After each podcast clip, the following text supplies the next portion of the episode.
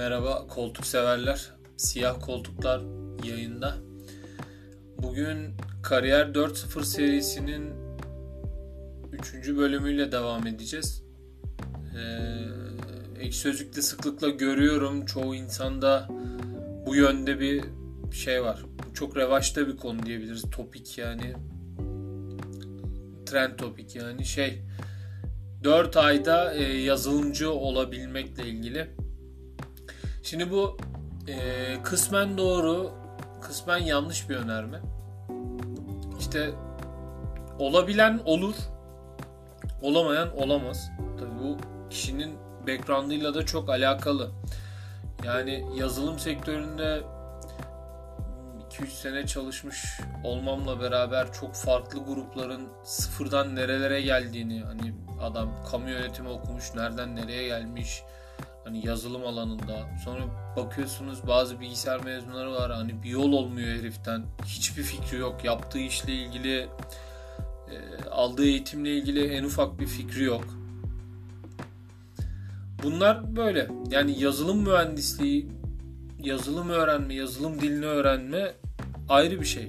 Ama bununla ilgili herhangi bir şirkette herhangi bir ekibe entegre olup böyle bir anda çalışmaya başlayıp doğru mimarileri seçip doğru kararlar alıp bir şey yapmaksa tabii ki zaman alacak bir şey. Yani bir anda öğrenilebilecek bir şey değil. Lakin şöyle bir riski var bu işin. Hani 4 ayda madem olunabiliyor işte maaşlar da iyi. O zaman hepimiz olalım. Ülke kalkınsın değil mi? Yani böyle bir şey var. Böyle bir düz mantıkla bakılabilir olaya. Fakat böyle bir şey olmuyor. Ben 2-3 sene öncesiyle şimdiki piyasayı değerlendiriyorum. O dönem böyle muazzam bir açık vardı. Sonra işte Özgür Demirtaş gitti yok yazılımcı olun bilmem ne falan filan diye konuştu. İşte ekranlarda yok. Zaten çok orospu konular bunlar. Yok yapay zeka, yok işte Endüstri 4.0. İşte biz de 4.0 4.0 diye gidiyoruz işte o 4.0. Ondan sonra yok 5G böyle sikim sikim konular tamam mı? Yani birkaç kişi toplanıp bunların böyle şeyini yapıyor. Ülke hani o kadar açlık sefaletle boğuşuyor ki yani herhangi bir e, en ufak bir aralık varsa oradan hani bir geçebilir miyiz? Biz de yolumuzu bulabilir miyiz kafasında? Çünkü tüm herkes böyle. Hani adam yani düşünmemiş etmemiş bir sürü çoluk çocuğa karışmış. Ne bok olacak bunlar diye düşünüyor. Adam çocuğunu ilkokul seviyesindeki çocuğunu yok yazılım öğretiyorlar diye bilmem sik kolejine bilmem bok kolejine yolluyor. Ulan akıl var mantık var. O çocuğun sokakta oyun oynaması lazım. Bu çocuk oturup niye yazılım yapsın abi? Biri cebini dolduracak diye niye bu çocuk yazılım öğreniyor? Sağlıklı bir yaşam tarzı mı saatlerce oturması çocuğun? Yani mantıklı mı? Yetişkin insanlar için bile riskli. Bu insanın ya yeri geliyor 13-14 saat mesai yapıyoruz yani. Ben, ben bizatihi çalışıyorum bu sektörde. Yani şu an kendi işimi yapıyor olsam da şey serbest çalışıyor kendi işimi yapıyor olsam da yine de böyle uzun sürüyor ama bir yerde çalışıyor olsanız da böyle bir durum var. Bazı problemler yani uzun saatler sonucu çözülüyor. Yani kompleksitesi çok fazla, karmaşıklığı çok fazla o denklem, o işlerin. Uzun süren mesailer yapmanız gerekiyor. E bu durumda size çıkan maliyet bu.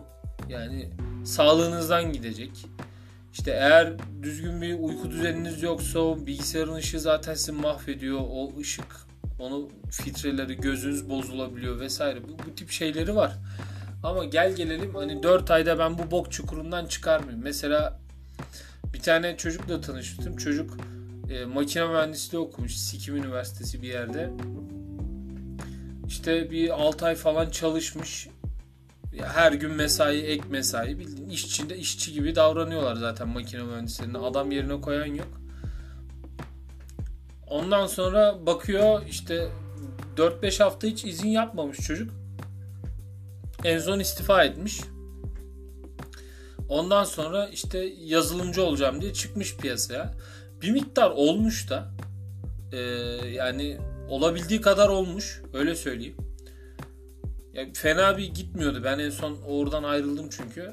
Ee, ama herkes olabilir mi bilmiyorum. Yani ne kadar önüne imkan sunsanız da ne kadar kurs alsanız da bazıları için bir şey yok. Ama şu sıra benim gördüğüm kadınlar çok öncelikli. Mesela o orada bulunduğum bir hafta içinde bir sürü CV geldi. Hep kadınları şey yaptık. İşe alalım falan diye. Ekibi o şekilde kurmak istedi müdür. Yani kadın başvurmuş falan. Hani hiçbir şey bilmese bile kadınları işe alıyorlar. Sanırım bu yine şeyle alakalı. Ya kadın istihdamıyla alakalı ya işte Women in Engineering diye bir akım var. Herhalde o başarılı oldu bilmiyorum. Öyle kadınları aldık. Ya hiçbir şey bilmeyen erkek CV'leriyle hiçbir şey bilmeyen kadın CV'leri kaldı. Ee, kadınları aldık. Yani benim kararım değil bu. Benimle alakalı niye öyle düşündük değil. Bir müdürümün şeyiydi, inisiyatifiydi. Dedi ki kadınları alalım. Tamam dedik yani o, o şekilde yaptık. Genel adayların böyle bir çok da böyle bir şey yoktu ama işte şey dedik yani düşük bir maaşla e, junior giriş seviyesi olarak aldık onları işe. Tabi bazıları ya çok da böyle umrunda değil ama işte kadın olduğu için arada idare ediliyordu yani. Böyle zaten bazı şeyler senior mühendisler var hemen böyle tamam şunu da çözelim bunu da çözelim. Yani sadece bir tanesi çok kendi başına her şeyi halleden, gerçekten neyi nasıl yapacağını bilen hani belki de ben cinsiyetçiyimdir bilmiyorum da hani bir tane söyledi. Belki de ben cinsiyetçi değilim. Gerçekten yaratılış düzeyinde öyle bir sıkıntısı vardı. Hiçbir fikrim yok. Yani özetle 4 ayda yazılımcı olabilirsiniz. Özellikle kadınsanız falan de, deneyin. Çünkü yani çok fazla alım var. Kadın alımı felaket yazılım şeyle ofislerinde neden bilmiyorum saydığım nedenlerden de olabilir. Benim bilmediğim, göremediğim bir neden de olabilir. Ee, tamamen seçim de olabilir. Dalgasına da olabilir. Hiçbir fikrim yok. Yani mantığını çözebilmiş değilim. Ben bir iş yapacaksam işini iyi yapan, gerçekten performanslı birini alırım. Dine, diline, ırkına, cinsiyetine bilmem neye benim umurumda olmaz. Ben orada iş yapacağım. Neyse tabii farklı farklı e, görüşler vardır bu konuyla ilgili. Özetle 4 ay daha yazılımcı olur musunuz? Olursunuz. Ya birazcık matematik ya belki çok iyi olamazsın ama olur ya. Neden olmasın? Ama şöyle bir risk var. İşte bir sürü insan yazılımcı olursa ne olacak? E senin maaşın düşecek. Meslek ele ayağa düşecek. Ya makine mühendisliği gibi düşünün mesela. İnşaat mühendisliği gibi düşünün yani. Bunları kim sikine takıyor abi? Kimse Umurunda değil yani. Köpek sürüsü gibi git aç bir tane random şey aç. ilan aç. Gör ya. Ha, siktir et yani. Makineden, inşaattan değil. Elektrikte, elektronikte bile aynı durum var. Adam açabildiği her yere mühendislik fakültesi açtığı için. Bunların da şimdi %50'si ya siktir et biz iyi kötü bir yerden başlayalım diye küçük sanayi sitelerinde siktir boktan şirketlerde çalışıyorlar. Hepsi siktir boktan değildir hani bir kısmı.